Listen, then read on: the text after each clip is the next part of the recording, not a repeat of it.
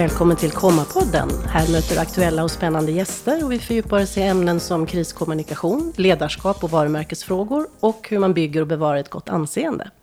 Dagens gäst är Morgan Olofsson, kommunikationsdirektör på Myndigheten för samhällsskydd och beredskap, MSB. Välkommen till Komma-podden Morgan. Stort tack och interpunktionen var ju utmärkt där att förkortningen kom efter vad det faktiskt handlar om. Tack. Språkligt korrekt. Mm. Mm. och vi ska prata om att informera och kommunicera i kriser och betydelsen av det. Men jag tycker vi börjar med MSB och ert uppdrag. Hur ser det ut idag?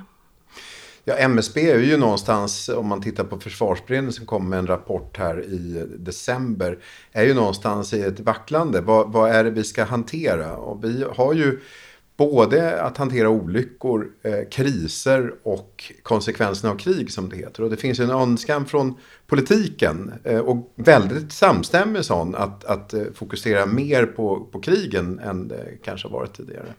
Uppdraget handlar ju om att eh, skydda samhället, eh, Myndigheten för samhällsskydd, i det ögonblick det smäller, när det händer en kris eller vad det är.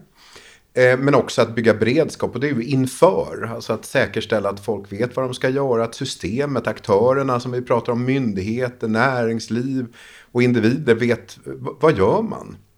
Där är ju en led, det kanske tydligaste är broschyren om krisen eller kriget kommer. Det är ju en del att förbereda som behövs för att man sen ska kunna agera. Och pratar vi kommunikation då, ja vad blir det då? Då är ju instrumentet krisinformation.se när det händer. Att man vet man ska gå in och stänga fönstren för att inte röken från den där farliga fabriken ska komma in. Eller vad, vad det nu kan vara. Ta sig till ett skyddsrum till exempel. Och då har vi ju Hesa Fredrik som bjuder över över stan också i det ögonblicket. Det är ett väldigt brett uppdrag. Ja, det är ju det. Det är som en eh, schweizerkniv kan man väl säga. Att det, det, är många olika bitar som man kan jobba med och behöver jobba med. Och samtidigt tänker jag så här att vi, vi pratar ju om, om eh, i, i den här branschen om gråzon. Att vi, förr i tiden var ju krig någonting man proklamerade. Det var liksom från en sekund till en annan gick man från fred till krig.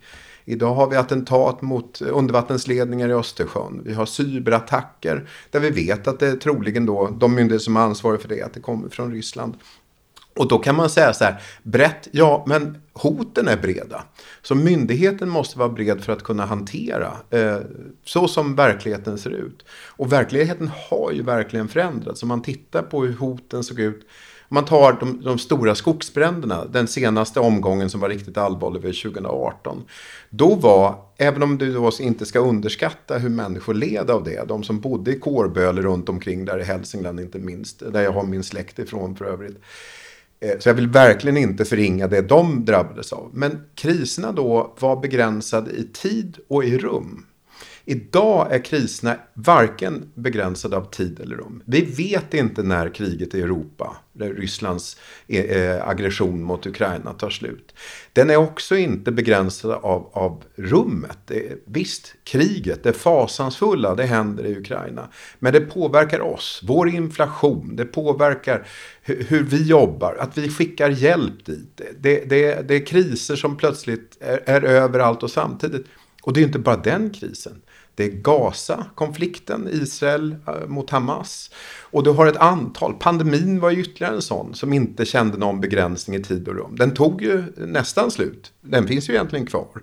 Eh, så inte heller där kan man säga att man har ett slutdatum. Men den var ju inte begränsad, ja, geografiskt begränsad till planeten vi bor på. Den var ju inte i resten av universum. Men, men det är ju ganska stort för oss människor ändå.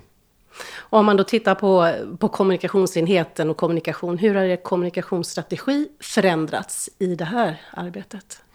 Ja, men det betyder ju att man måste jobba mycket mer. Det är ju, om, om hoten är få och, och förhållandevis enklare och med begränsade tid och geografi.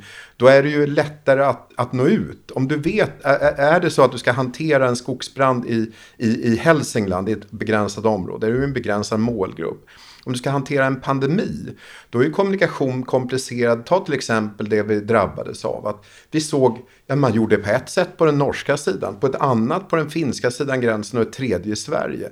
Du får ju en, en kakafoni där människor undrar varför gör vi på, på det här sättet i Sverige? Varför har vi inte munskydd som var en av de stora frågorna? Den var ju otroligt svår att kommunicera eh, och det var ju inte MSBs roll då, men för Folkhälsomyndigheten att förklara varför. Så att kommunikation har ju blivit eh, mer, eh, ja, det, det, har varit utmanande att kommunicera i det här. Och samtidigt kan man säga så här, jag sa några gånger på pressträffen när jag stod jämte Anders Tegnell att det är brist på vaccin före vaccinet kom då. Så har vi bara kommunikation som en förebyggande åtgärd. Och det gäller ju lite i kriserna i övrigt att, att kommunikation blir mer komplex utifrån hur det ser ut. Men den blir ju också än viktigare. Eh, därför att eh, utmaningen är så stor och vi har sällan de fasta verktygen från början. Det tog ett år och det var kort tid för att få ett vaccin. Och det är ju samma med mycket annat. Och tittar vi på Ukraina till exempel, en stor del av deras förmåga skulle jag säga, eh, utöver det, det offrande av liv och eh, liksom blod som, som deras befolkning går igenom, handlade om att eh, man kunde kommunicera. Man kunde bygga en, en försvarsvilja och en, en motståndskraft med ordet. Eh, och, och, och, och Zelensky då är ju ett exempel på det när han säger att Nej, men jag vill inte bli, bli evakuerad utan liksom, ja, jag stannar här och gick ut på en gång där i natten och, och pratade. Ordets makt, eh, pennans makt är ibland starkare än, än vapnens. Ja, går det att bedöma hur stor den eh, kraften är i det sammanhanget? Hur stor betydelse den har? Nej, det är ju, det är ju jättesvårt att, att bedöma det. Men om man läser försvarsberedningens rapport från december, den som är intresserad av det, kommunikation, kan, man kan läsa hela för det handlar om vårt samhälles eh, utsatthet. Eh, men, men med fördel kan man läsa det som handlar om eh, det psykologiska försvaret och försvarsvilja. Och där konstaterar man att försvarsviljan är, det, den är fundamental för, för, för Sveriges totalförsvar. Och vad, vad, är då försvarsvilja? Ja, men det handlar ju om, om i, i, i, grova drag om, om vad vi får oss till livs. Eh, att, att höra vad andra säger. Eh, åtminstone i ett läge där vi inte är i krig så är allting bara teoretiskt inför det. Det vill säga, det är precis som det där, med det där viruset, pandemin. Att kommunikation är vårt, i, i, väntan på det allvarliga. Och det vill jag inte förringa våra stridspiloter och andra som, som liksom, eh, skyddar vårt territorium. Men kommunikation är ytterligare ett medel för att åstadkomma det. Så, att, så skulle jag uttrycka det. Och våra undersökningar och FOIs och andras undersökningar och lärdomar från Ukraina pratar ju om hur otroligt avgörande kommunikationen har varit. då ska vi veta att försvarsviljan i Sverige, beroende på vilka undersökningar man tittar på, ligger mellan 7, 7 till 9 av 10 är beredda att faktiskt offra, riskera sitt liv, inte offra, men riskera sitt liv för att skydda Sverige. Inte alla med vapen i hand, men, men eh, utan vapen i hand så kan man till och med tänka sig att vara i närheten av fronten. I Ukraina var den siffran mycket, mycket lägre. Eh, och, och de lyckades ändå uppringa. Och jag tror att det var mycket med, med kommunikationens hjälp. Att man, man tänkte till. Och man hade jobbat väldigt eh, strategiskt och genomtänkt sen den illegala annekteringen av Krim då 2014. Så jobbade man medvetet.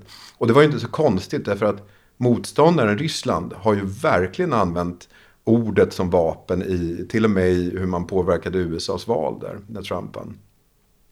När jag gjorde ett tidigare avsnitt med Säpos pressekreterare Fredrik Hultgren Friberg i avsnitt 25, att kommunicera om terrorhot utan att skrämma slag på Sveriges befolkning, så pratade vi om deras kommunikationsstrategi och målgrupper. Och hur resonerar ni kring målgrupper? Ni har en stor målgrupp, allmänheten.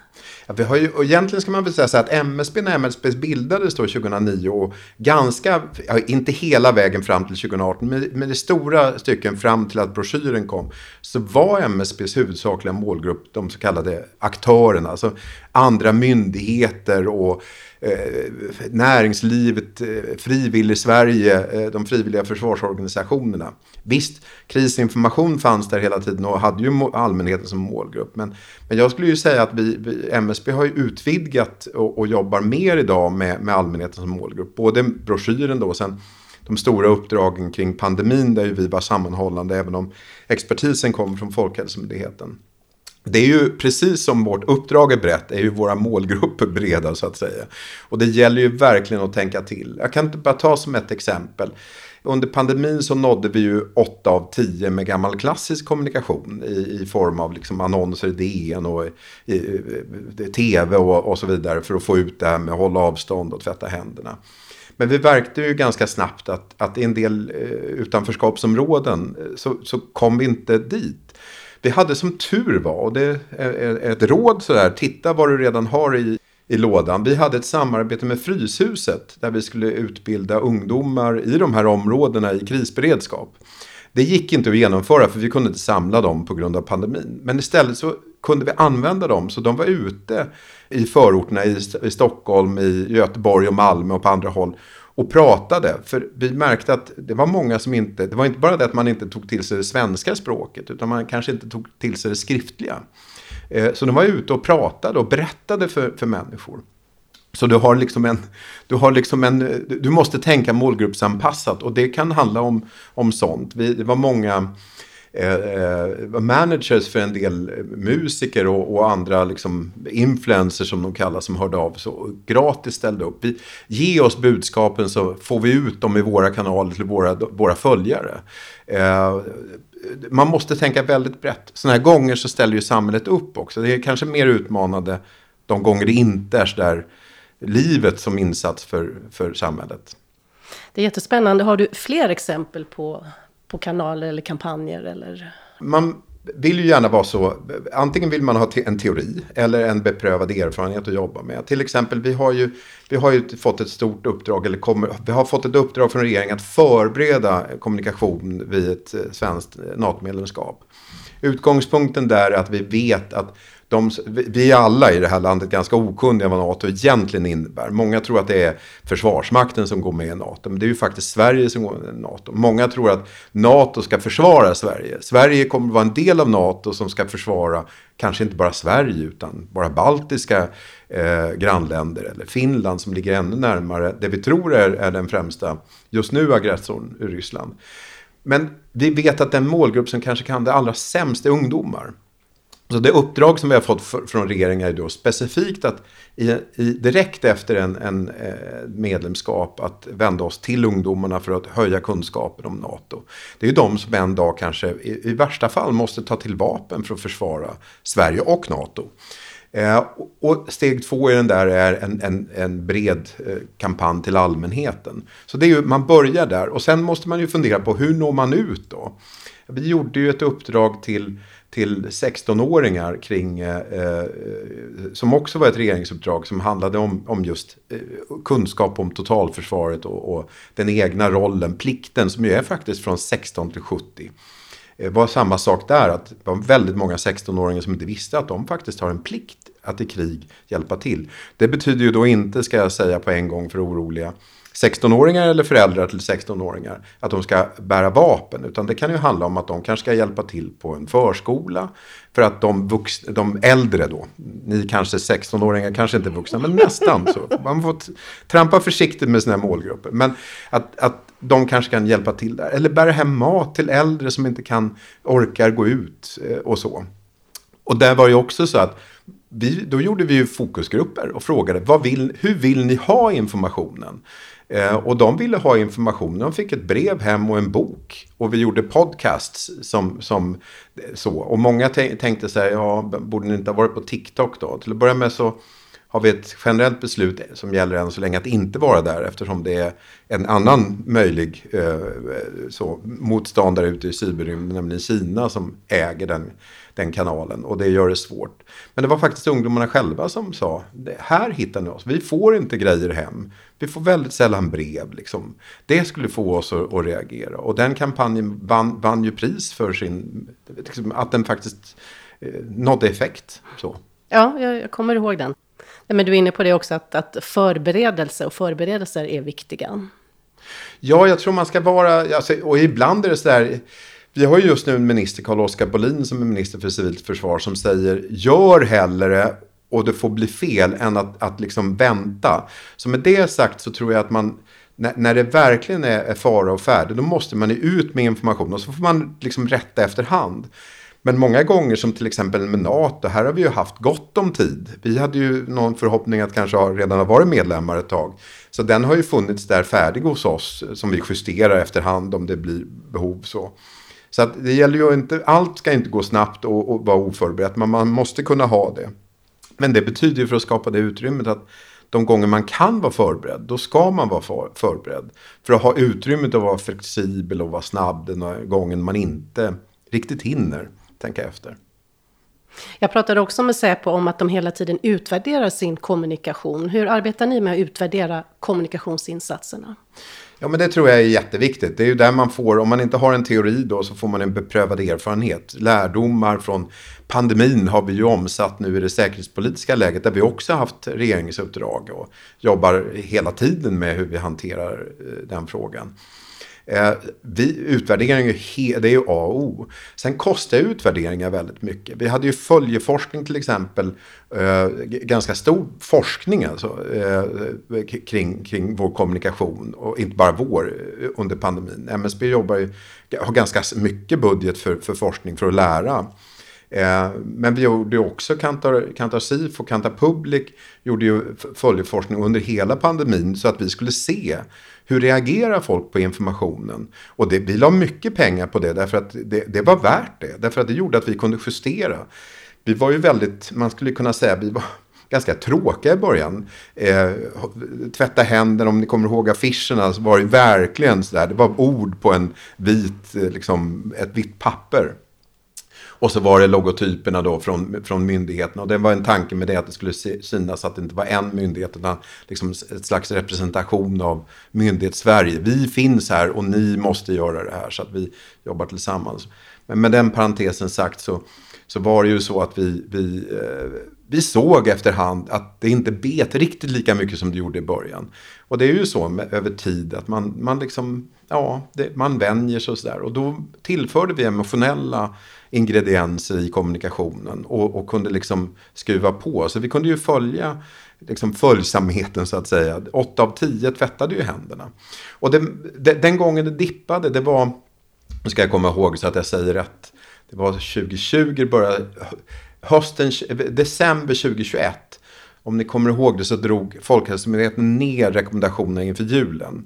Och sen drog smittan igång igen och då, då skruvar man upp dem igen. Och där kan man se att där var det svårt att få med allmänheten liksom, i, i den där. Det gick sen men då gick det ner från kanske 8 av 10 till 7 av 10 åt det hållet. Liksom. Och så, så det är ett hack där i, i vår mätserie. Och det är ju jätteviktigt att se en sån sak. En av 10 är ju ganska, det är ju 10 procent som plötsligt förändrar sitt beteende. Oh ja. mm. Eh, så att, jag skulle säga att ja, vi följer. Men att få utvärdera så hela tiden, det kan man ju bara göra med de där riktigt, riktigt stora och dyra. Andra gånger får man ju hämta eh, kunskapen från någonting annat. Som pandemin nu är ju en kunskapsserie som vi kan använda oss av. Det görs forskning både i Sverige och utomlands på, på vad vi lärde oss där. Eh, utifrån att Sverige då, kommunikation var så avgörande i Sverige jämfört med många andra länder. Där man ju var mycket restriktivare och tvingade folk att stanna inomhus. Så, så att då får man ju i nya informationsinsatser så får man ju titta bakåt vad man har lärt sig tidigare. Så, så att jag, jag, jag tycker man ska vara, vara noga, det får inte kosta för mycket och ibland kan det ju räcka med att duktiga kommunikatörer på MSBs kommunikationsavdelning pratar ihop sig. Vad har vi lärt oss av det här och hur ska vi hantera det? Så att, allt ska inte bara vara liksom en opinionsundersökning utan det finns andra utvärderingsmetoder. Ja, en stund för reflektion också. Absolut. Mm. I ett eh, annat avsnitt, nummer 24, så pratade jag med Rika von Svarberg, beredskaps och säkerhetsskyddschef vid Region Gotland, om att kraven på beredskap bara kommer att öka. Han beskrev ett eh, perspektiv över många år, 20 till 30 år. Delar du den bilden? Ja, men det tror jag. Jag, jag tror att vi, vi är i en tid där, där eh, det är en komplexitet som är både emanerar ur klimatförändringar som kommer att påverka oss oerhört över kommande tid. Så att också naturen, men också en polarisering hos oss människor. Att, att det, är, det är också en, en utmaning med en allt större del av, av vår befolkning som faktiskt inte litar och tror på fakta. Eh, så, och, och, det kommer både försvåra hanteringen av kriser och tror jag i sig, och det har vi ju redan sett, stormningen av, av, eh, av Kapitolium i USA och så vidare, att det, det kommer ju också leda till kriser i sig. Så att jag är, är rädd för att vi får leva med det. Det betyder inte, jag är, jag är positiv och, och, glad i grunden. Så det betyder inte att vi ska lägga oss ner och sprattla liksom, och, och, och, tro att allt är över. Men det gäller att vi medvetet jobbar med frågan för att undvika att vi ska bli dystopiska och tappa sugen. Ja, och hur arbetar ni då med kommunikation i det långa perspektivet? Nej, men det är ju det, att hantera kriser när de uppkommer eh, och, och, att tänka långsiktigt och bygga en förmåga över tid. Broschyren är ju en, en sån. Det är ju, det är ju det är också en schweizerkniv. Liksom, att det handlar inte om en specifik kris utan det handlar om kriser och konsekvenserna av krig. Eh, och att få ut kunskap och lära oss att vi, vi hanterar det. Och det är, väl, det är väl lite det där att vi mänskligheten har ju alltid drabbats av kriser och möjligen är det så att vi under den där perioden efter kalla kriget och fram till 2008, 2014 någonstans levde i en, en chimär att, att allt var klart och slut och eh, den eviga freden var här och kanske inte heller att vi var helt medvetna om kriserna eh, klimatet och så. Eh, så. så. det kanske var en parentes och ibland när vi tittar bakåt så tänker vi har det blivit kriser nu? Nej, det kanske var en frånvaro under en kort period där vi inte kände det eh, så, så pressat liksom, läge som, som det ju egentligen alltid i mänsklighetens historia dessvärre har varit med krig och, och katastrofer. Och att informera och kommunicera i krissituationer, det är ju ni experter på. Och er generaldirektör konstaterade i samband med snö och trafikkaoset i januari på E22 att myndigheterna borde ha kommunicerat mer och tidigare kring själva situationen, parallellt med att man hanterade krisen. Nu kommer ju hela den här hanteringen att granskas, men hur, hur, ser du på det, att det är lika viktigt med information och kommunikation runt krisen som att hantera den? Jo, men det är ju så. Det, min generaldirektör Charlotte Petrikonitska pratar om det. Att det finns två bitar av krisen. Den ena är krisen. Och den andra är hur den upplevs.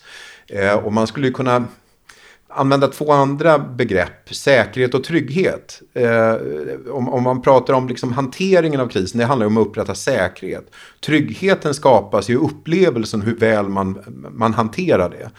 Eh, och, och, och, då gäller det ju att, att kunna kommunicera. Men samtidigt så ska man inte ha en övertro på kommunikation. Det är ju inte så att man kan bara kommunicera sig ur en kris. Eh, åtminstone väldigt, väldigt sällan då. Om man tar pandemin då, kommunikation är brist på vaccin. Men kom ihåg vilket arbete sjuksköterskor, läkare gjorde på våra IVA-kliniker. Alltså, det, det, kommunikation klarar sig inte ensam. Liksom. Kommunikation är, det är ju kommunikare i latinet att göra gemensamt och det handlar om att få oss att göra allt det vi gör. Det en, det en sjuksköterska gör tillsammans med den om man tar pandemin, att inte gå på en begravning eller gå på en fest för att inte smitta ner nära och kära. Det är ju det som är kommunikationens roll. Men du måste ju ha det andra också. Liksom. Så att jag vill varna för en, ibland är det så att man, ibland är kommunikation allt och ibland är kommunikation inget och, och, och båda är fel. Liksom. Så. Men vad är utmaningarna när man väntar på information innan man börjar att agera? Nej, men jag, tänker så här att utmaningen är väl att ha modet att kommunicera och informera även om man inte vet allt.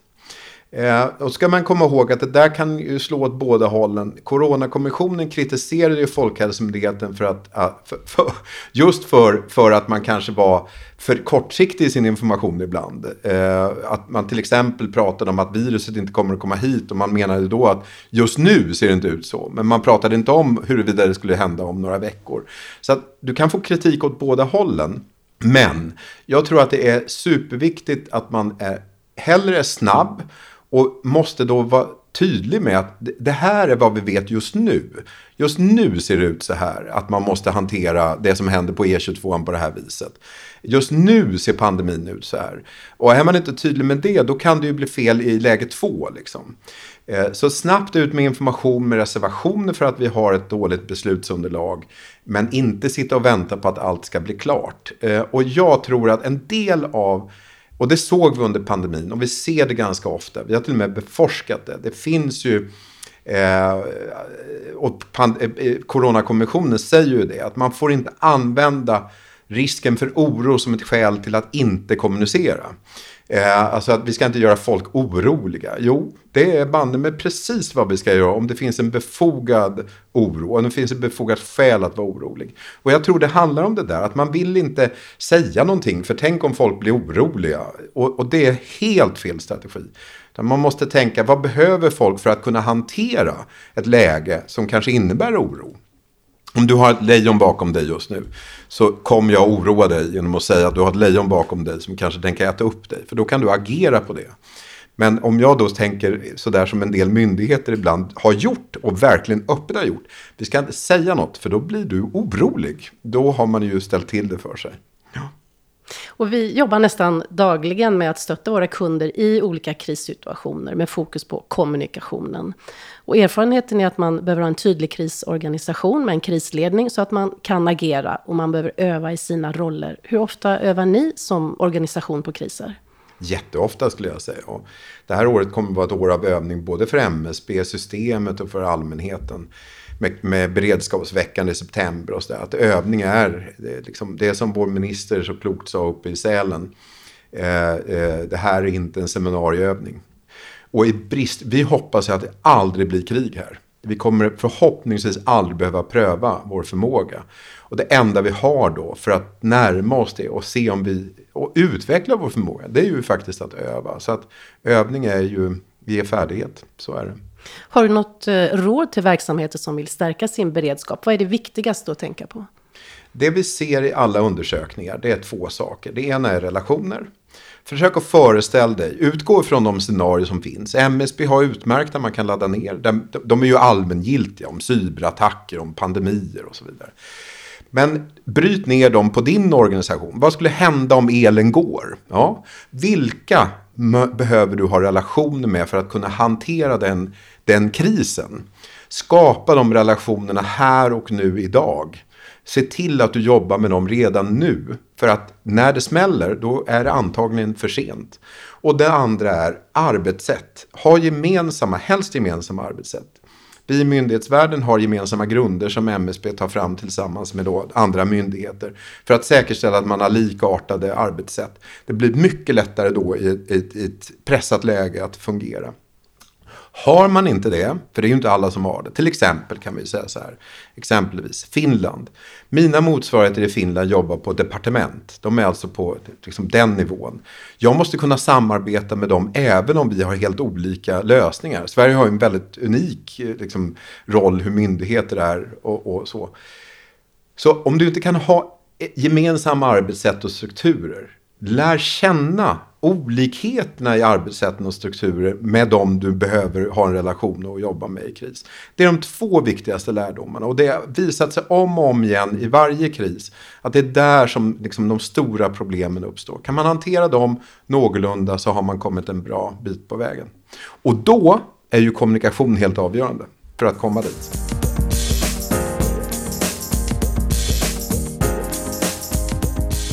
Dagens gäst i Komma-podden är Morgan Olofsson, kommunikationsdirektör på MSB.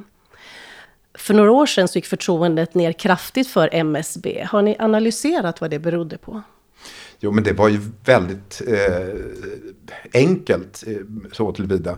Vår generaldirektör eh, åkte till Kanarieöarna eh, mitt under pandemin. När, när den allmänna rekommendationen var, det var inget förbud att åka, det var inget fel, faktiskt fel. Men vi uppmuntrade folk att inte att inte åka. Jag kan till exempel jämföra med mig själv. Jag har landställe utanför Norrtälje. Jag vågade inte åka 676 från Tekniska till, till Norrtälje under en lång period där. Jag vågade inte ens under en period, några avgörande månader i början, vågade jag åka ut med bil dit. Därför att jag kände att mitt eh, agerande kan drabba förtroendet för hanteringen av pandemin och i slutändan faktiskt riskera människors liv. Så att vi tappade ju jättemycket förtroende eh, för att vår generaldirektör eh, bröt mot det vi såg som ett sätt att minska smittan. Och hur har ni arbetat sedan dess för att höja förtroendet igen? Ja, till att börja med så eh, sådana här gånger så är det ju alldeles som att man ska ha något, eh, liksom, förtroende är väldigt lätt att, att rasera och mycket svårare att bygga upp.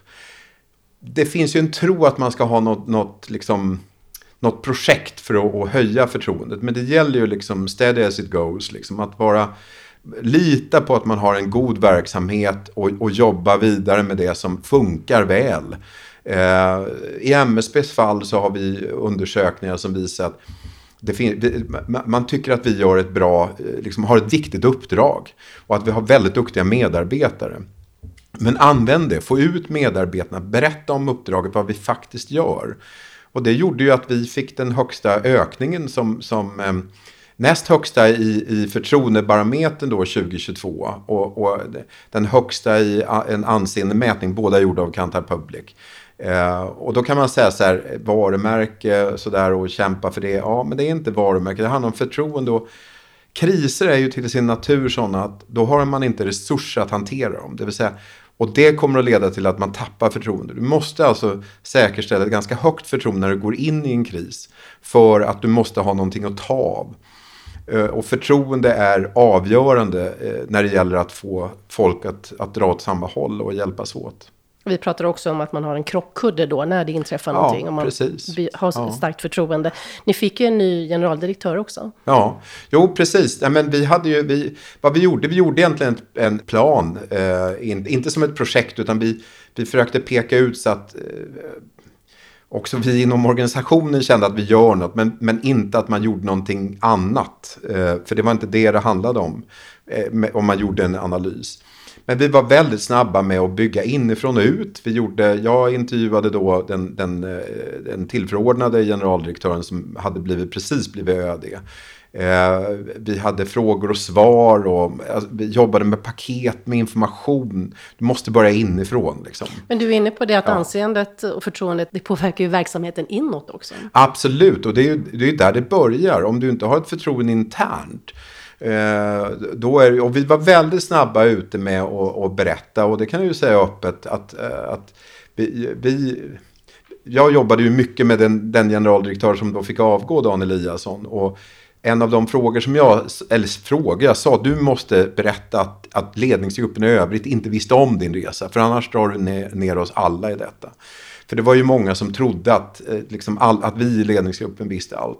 Så det var en av de första grejerna som gjordes. Det var att berätta internt att det faktiskt var så att vi inte, vi, ledningsgruppen kände inte till den här resan. Och därmed så skyddades ju, och det var ju inte för att vi, vårat skinn var, var eh, värt i sig. Utan det var ju för att vi stod mitt i en pandemi om du hade blivit av med en hel ledningsgrupp eller åtminstone att förtroendet hade blivit så svårt att det hade drabbat verksamheten hade det varit mycket allvarligt för hanteringen. Så det var ju superviktigt för att vi skulle kunna klara av pandemin att det framkom. Så att en del av det var ju att, att berätta och tra vara transparent och öppen kring det.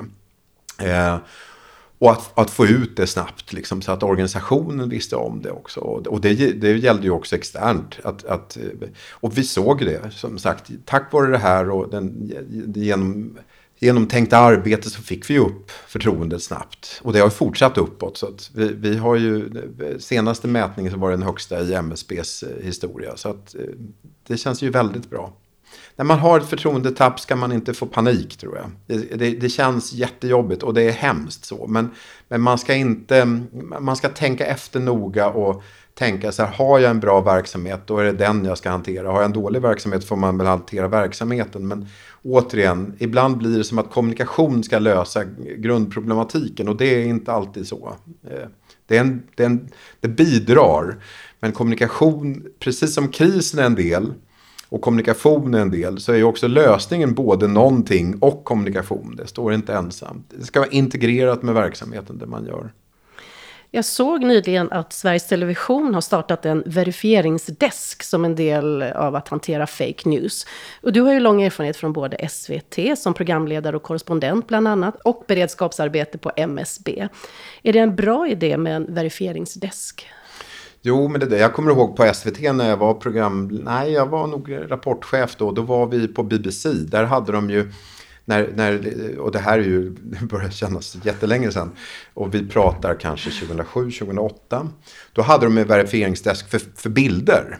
Eh, för då var det, då, var det liksom det som började, att, att folk hade plötsligt en iPhone och, och kunde ta bilder och så var det oklart var, var kom den ifrån, var den, var den på riktigt eller inte och så där. Så att ja, ja det, det, det, var helt nödvändigt där och jag skulle säga idag är ju otroligt viktigt att skilja eh, åsikter och fakta eh, och lögner åt. Så att jag tycker det, en, det, det låter som en bra idé. Hur ser du att rapporteringen i media har förändrats sedan du arbetat som korrespondent i både Moskva och Washington under 90-talet? Det är nog jättemånga förändringar tror jag. Eh, alltså man ska komma ihåg, när jag, när jag var utrikeskorrespondent, eh, då hade jag ett produktions och distributionsmonopol som det brukar heta när man pratar om sånt här. Eh, det, det, var, det var väldigt få som kunde skicka hem video från, från Moskva liksom, och berätta om hur det såg ut på det viset. Visst, man kunde resa dit. Eh, det här var liksom sista tampen på det. Idag kan vem som helst liksom filma eh, var som helst och skicka hem det.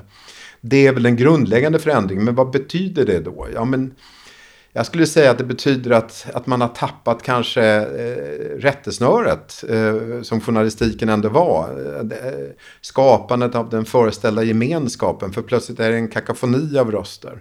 Och det är både på gott, gott och ont, tänker jag. Det jag ser som kanske den, det, det, som gör mig mest oroad är att journalistiken får allt mindre resurser. Och, och jag tror att det leder till att begreppet att, att steka en story som var ganska självklart eh, på den tiden när jag var där. Eh, det vill säga om en story inte höll så då blev den inte sänd. Jag upplever, och jag kan inte säga att jag har rätt för jag har inte den inblicken i, i det inre livet i journalistiken. Men jag upplever att med begränsade resurser idag så måste man nästan tvinga sig ur någonting om man har lagt ner ett antal timmar, dagar beroende på vad det är för program. Och att det blir en vinkel på något sätt för man har inget annat val. Liksom. Att man kan inte komma hem tomhänt.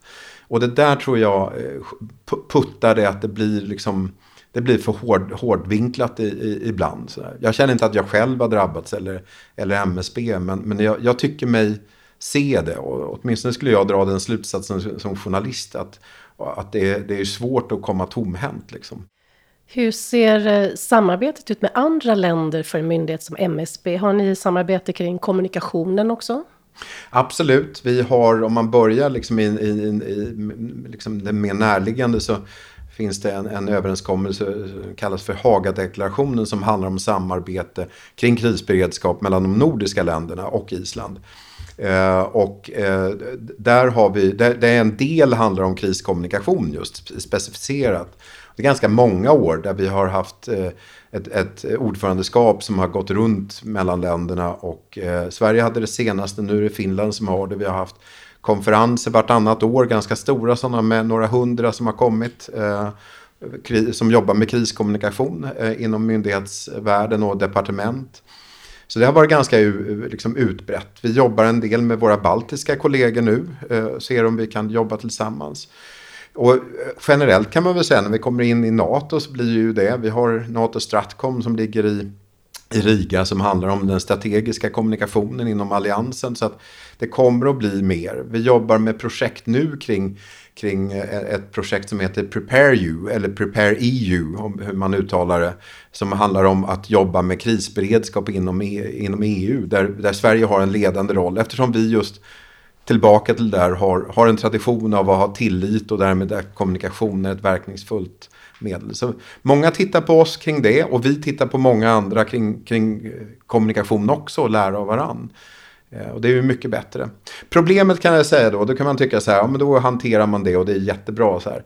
Min upplevelse under pandemin var att alla de där samarbetena bara tvärnitade.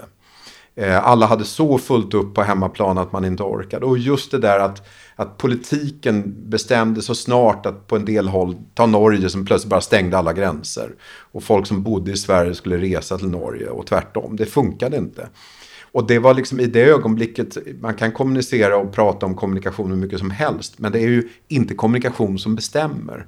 Men jag upplever att vi, vi nog borde ha, jag försökte eh, och kanske inte tillräckligt mycket då. Men att vi borde ha upprätthållit samarbete mycket bättre under de där den där svåra tiden. Det gör mig lite oroad att, att när det, och det är väl också en resursfråga, att när man inte orkar riktigt och det är så mycket att göra så, så blir man begränsad och bara ser bara det som är framför en. Eh, och det är ju ett problem i en kris om man blir, får tunnelseende. Och det upplever att vi alla hade under den där perioden ibland. Du var inne på det att i Sverige så har vi eh, av tradition haft stor tillit till myndigheter och institutioner. Hur tror du att det kommer att utvecklas framöver? Ja, men det är ju satt under, under press någonstans. Eh, vi har ju fortfarande, vi ser ju inte att det, det tappar, eh, tvärtom. De senaste från Kantar Public visar ju på ett ökat förtroende för myndigheterna. Eh, men det är klart att med, med, med den utmaning som finns i desinformation och så. Jag tänker eh, förtroendet bland, bland en del grupper för socialtjänsten är ju verkligen liksom eh, utsatt utifrån de lögner som har varit kring att, att Sverige omhändertar muslimska barn som är en fullständig lögn. Eh, så att det kommer ju vara utsatt, så är det. Eh, men, men samtidigt är det ju ett kapital som ger oss en enorm styrka. Och jag skulle säga att det är både tillit från eh, oss som individer till institutionerna. Men det är också en tillit från institutionerna till, till oss som individer. Det behövs både och. Det är först då som kommunikation blir det där verkningsfulla medlet som kan hantera eländet och det goda också hoppas jag. Man har ju inte kunnat undgå att det har pratats om vevradio och vattendunkar under den senaste tiden som en del av att höja sin beredskap. Har du själv köpt en vevradio? Absolut, jag har en både hemma och på landet. Hemma i Stockholm där jag bor och på landet, absolut. Har du förberett på något annat sätt? Ja, jag har sett till att jag har en, en jag har både trangiakök hemma och på landet och jag har en ordentlig gasspis på landet också, en stor gastank. Jag använder den, jag har bara testat att den funkar men jag använder den inte så jag lagar inte mat på den nu utan det, det är för att det ska vara fullt och klart om det skulle hända något. Eh, och, och, se till att det finns någorlunda med mat så att vi klarar oss en vecka och sådär. Så att jag, jag, är, jag är beredd. Eh, så, ja. Några andra tips till de som lyssnar på den fronten? Ja, alltså det främsta tipset är ju samma som jag pratade om relationer och strukturer. För, och det var ju mer till myndigheter, men det är ju samma för oss människor. Bor du i ett flerfamiljshus, liksom, lär känna dina grannar. Eh, det, det kanske är onödigt att ni alla har, har liksom, eh, allting. Det kanske räcker att ni hjälps åt. Liksom. Framförallt i flerfamiljshus är det svårt att bunkra vatten för en vecka. Det kanske man kan göra tillsammans på något sätt. Och så, relationer är ju helt liksom, är A och O också för individen. Ska vi avsluta med ett valspråk? Verba arma nostra. Och då får du hjälpa mig med latinet. Orden är vårt vapen. Orden är vårt vapen, det borde jag ju kunna. Jag är gammal tolkskoleelev, det var i och för sig inte just det. Men ja, jag läste orden det. är vårt vapen. Ja, att du är värnplikten ja. i försvaret tolkskolan. Ja. Stämmer ordspråket? Ja, men det skulle jag säga. Jag, jag tror att orden är eh, vapen. Blir ju, alltså det, jag, man får ju akta sig när man jobbar inom det civila försvaret och prata om vapen. Jag brukar säga skämtsamt eh, när någon säger någonting bra, kanon eller motsvarigheten i ett civilt språkbruk. Då. Så, men, men, så att vapen är ju, är ju känsligt, men som ett effektivt liksom, medel att, att hantera. Och apropå det där, när du sa det där ordspråket, ytterligare en sån där, en, ett tips, och det är bara ett allmänmänskligt tips. När man inte kan, berätta det. Det är ingenting att skämmas för. Och, och det, det, gör det så mycket lättare. Och det är någonting som vi ibland går i fällor. Eh, och man känner ju själv. Och det, när det är komplext, som det är i en kris. Att inte, eh, så att säga, våga blotta sig då och säga vad man har brister. Det är ju ett problem, för då går det inte att hantera dem. Nej, nu fick jag ju din problem. hjälp. Du översatte åt mig och jag kunde hantera frågan. Liksom. Ja, nej, man ska ju inte skapa problem. Om nej, nej, nej. Tack så mycket Morgan Olofsson, kommunikationsdirektör på MSB, Myndigheten för samhällsskydd och beredskap, för att du gästade Komma-podden. Och nu vänder jag på det. Ja, men det får man göra också. Det är helt okej. Tack så mycket för att du kom hit. Tack så mycket själv. Jag som är programledare heter Merja Metell Suomalainen och du kan lyssna på alla avsnitt av Komma-podden direkt på Kommas hemsida eller där du vanligtvis hittar poddar.